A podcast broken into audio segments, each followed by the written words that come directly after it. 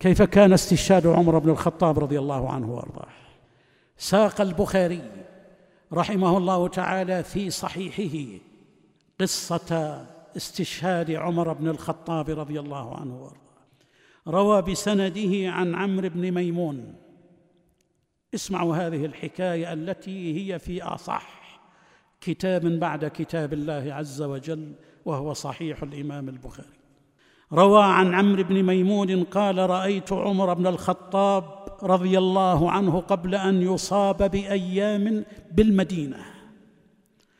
وقف على حذيفة بن اليمان وعثمان بن حنيف. قال كيف فعلتما؟ أتخافان أن تكونا حملتما الأرض ما لا تطيق؟ قال حملناها امرا هي له مطيقة. ما فيها كبير فضل. قال انظرا انظرا أن تكونا حملتما الأرض ما لا تطيق. قال لا. فقال عمر لئن سلمني الله لأدعن أرامل أهل العراق لا يحتجن إلى رجل بعدي أبدا. ما معنى حملتم الأرض؟ حذيفة بن اليمان كان مسؤولا عن أحد نهري العراق وما حوله من المزارع والإنتاج الخراج. وعثمان بن حنيف أيضا كان مسؤولا عن النهر الآخر واحد عنده دجلة والآخر عنده نهر الفرات. وكل واحد مسؤول عن الخراج المتعلق بما حول هذا النهر. فكانوا يأخذون الخراج على المزارعين. فعمر رحمة بالمزارعين يقول أخشى أن تكونوا حملتم الأرض ما لا تطيق. معنى هذا أنكم قررتم على هذا المزارع كذا وكذا من القمح ونحوه وأرضه لا تطيق ذلك. إنتاجها أقل. انظر إلى الرأفة والرحمة. لكن حذيفة عثمان بن حنيف هؤلاء جهابذه رجال أئمة صحابة عدول قالوا يا أمير المؤمنين ما حملناها إلا شيئا هي له مطيقة. عدل في عدل. ثم يقول وهو يتكلم عن الخراج من بلاد المسلمين لئن سلمني الله. في بعض قصص التاريخ إلى العام القادم. بس يقول أعطوني سنة. لأدعن أرامل أهل العراق لا يحتجن إلى أحد بعدي أبدا. خطة اقتصادية تغني المسلمين وعلى رأسهم الأرامل ومن معهم من الأيتام. لكن كان أمر الله قدرا مقدورا.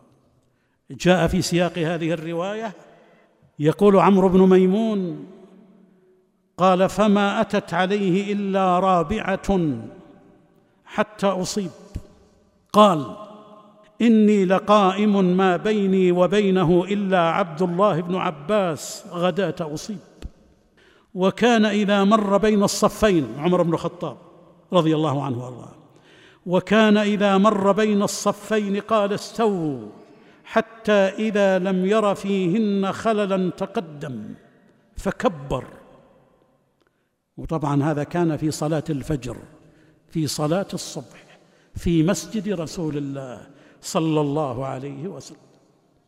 قال وربما قرأ سورة يوسف أو النحل أو نحو ذلك في الركعة الأولى حتى يجتمع الناس. فما هو إلا أن كبر. فسمعته يقول قتلني أو أكلني الكلب حين طعنه. أبو لؤلؤة المجوسي. حين طعنه العلج بسكين ذات طرفين لا يمر على أحد يمينا ولا شمالا إلا طعنه حتى طعن ثلاثة عشر رجلا مات منهم سبعة. فلما رأى ذلك رجل من المسلمين طرح عليه برنسا فلما ظن العلج أنه مأخوذ نحر نفسه. حدث عجيب في مسجد رسول الله. عمر جاء ليصلي وهذا الخبيث قد كمن له من السحر ينتظر قدومه ومعه هذه السكين ذات الطرفين التي يطعن فيها من هنا ومن هناك. تقول بعض الروايات إنه سقى طرفيها السم وتجهز لذلك. طعن عمر. قال وتناول عمر يد عبد الرحمن بن عوف فقدمه ليصلي بالناس. قال فمن يلي عمر فقد رأى الذي أرى. وأما نواحي المسجد المسجد كان يكتظ بالمسلمين في زمن عمر رضي الله عنه وأرضاه. وأما الذي بنواحي المسجد فإنهم لا يدرون غير أنهم قد فقدوا صوت عمر وهم يقولون سبحان الله سبحان الله. فصلى بهم عبد الرحمن صلاة خفيفة فلما انصرفوا ذهبوا به إلى بيته حملوه إلى بيته. ولما انصرفوا من الصلاة قال عمر يا ابن عباس انظر من قتلني. فجال ساعة ثم جاء فقال غلام المغيرة. غلام المغيرة بن شعبة. غلام مملوك يعمل ويشتغل عند المغيرة بن شعبة. وكان نصرانيا. وكان عمر ينهى عن دخول العلوج إلى المدينة. فاستأذن عمر بن الخطاب رضي الله عنه وأرضاه أن يأتي بهذا. وقال إنه صناع نقاش نجار نحتاج إليه. فأذن له فدخل هذا العلج مدينة رسول الله صلى الله عليه وسلم. وكان مشهورا بصنع الرحى التي يطحن بها. من أين جاء هذا الرجل؟ عمر بن الخطاب رضي الله عنه وأرضاه. يامر ابن عباس يقول من قتلني؟ هذا أهم شيء عند عمر. فقال غلام بن مغيرة. قال الصنع يعني الصناع الذي يعرفه قال نعم قال قد قال قاتله الله لقد أمرت به معروفا. الحمد لله الذي لم يجعل ميتتي بيد رجل يدعي الإسلام.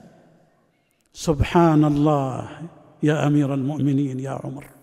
سبحان الله في لحظة مقتله واستشهاده يفرح أن قتله لم يكن على يد رجل مسلم. لا يريد أن يؤثم مسلما ايما كان وأينما كان.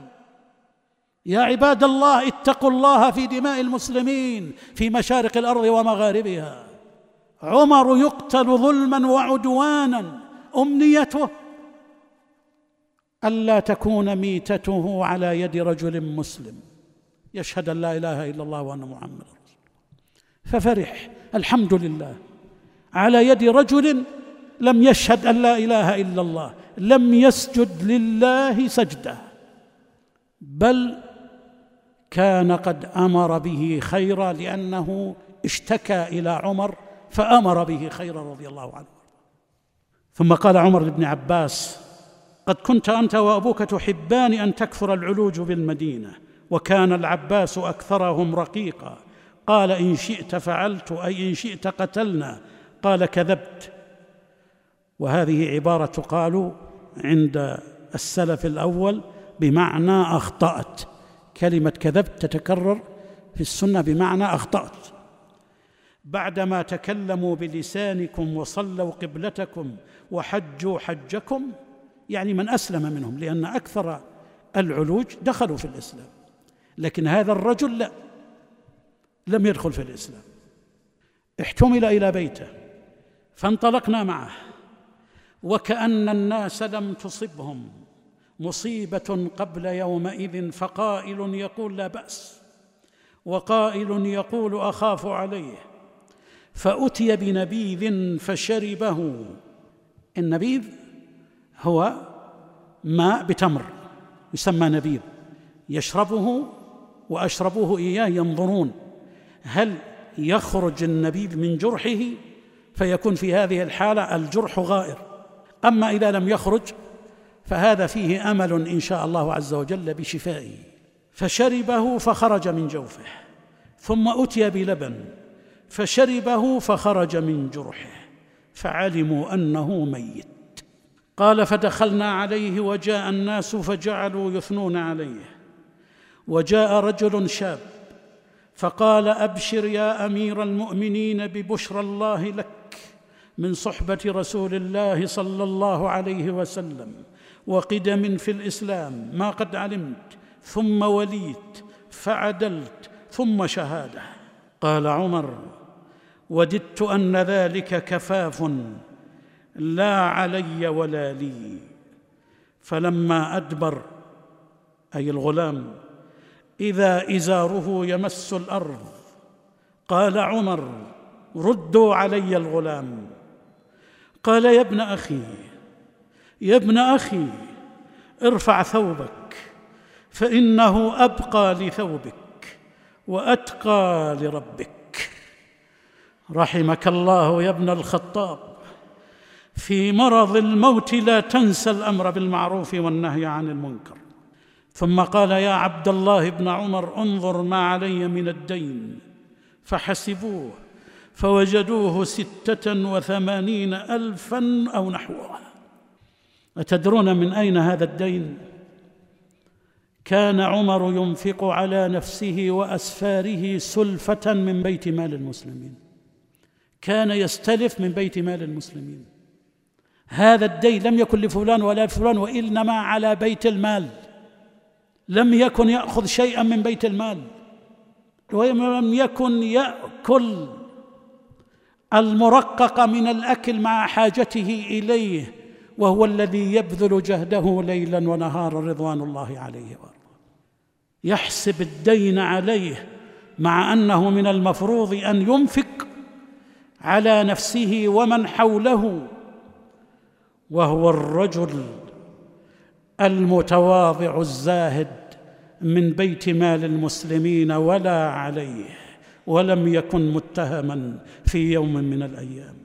يقول وجدوه ستة وثمانين ألفا أو نحوه قال إن وفى له مال آل عمر فأده من أموالهم.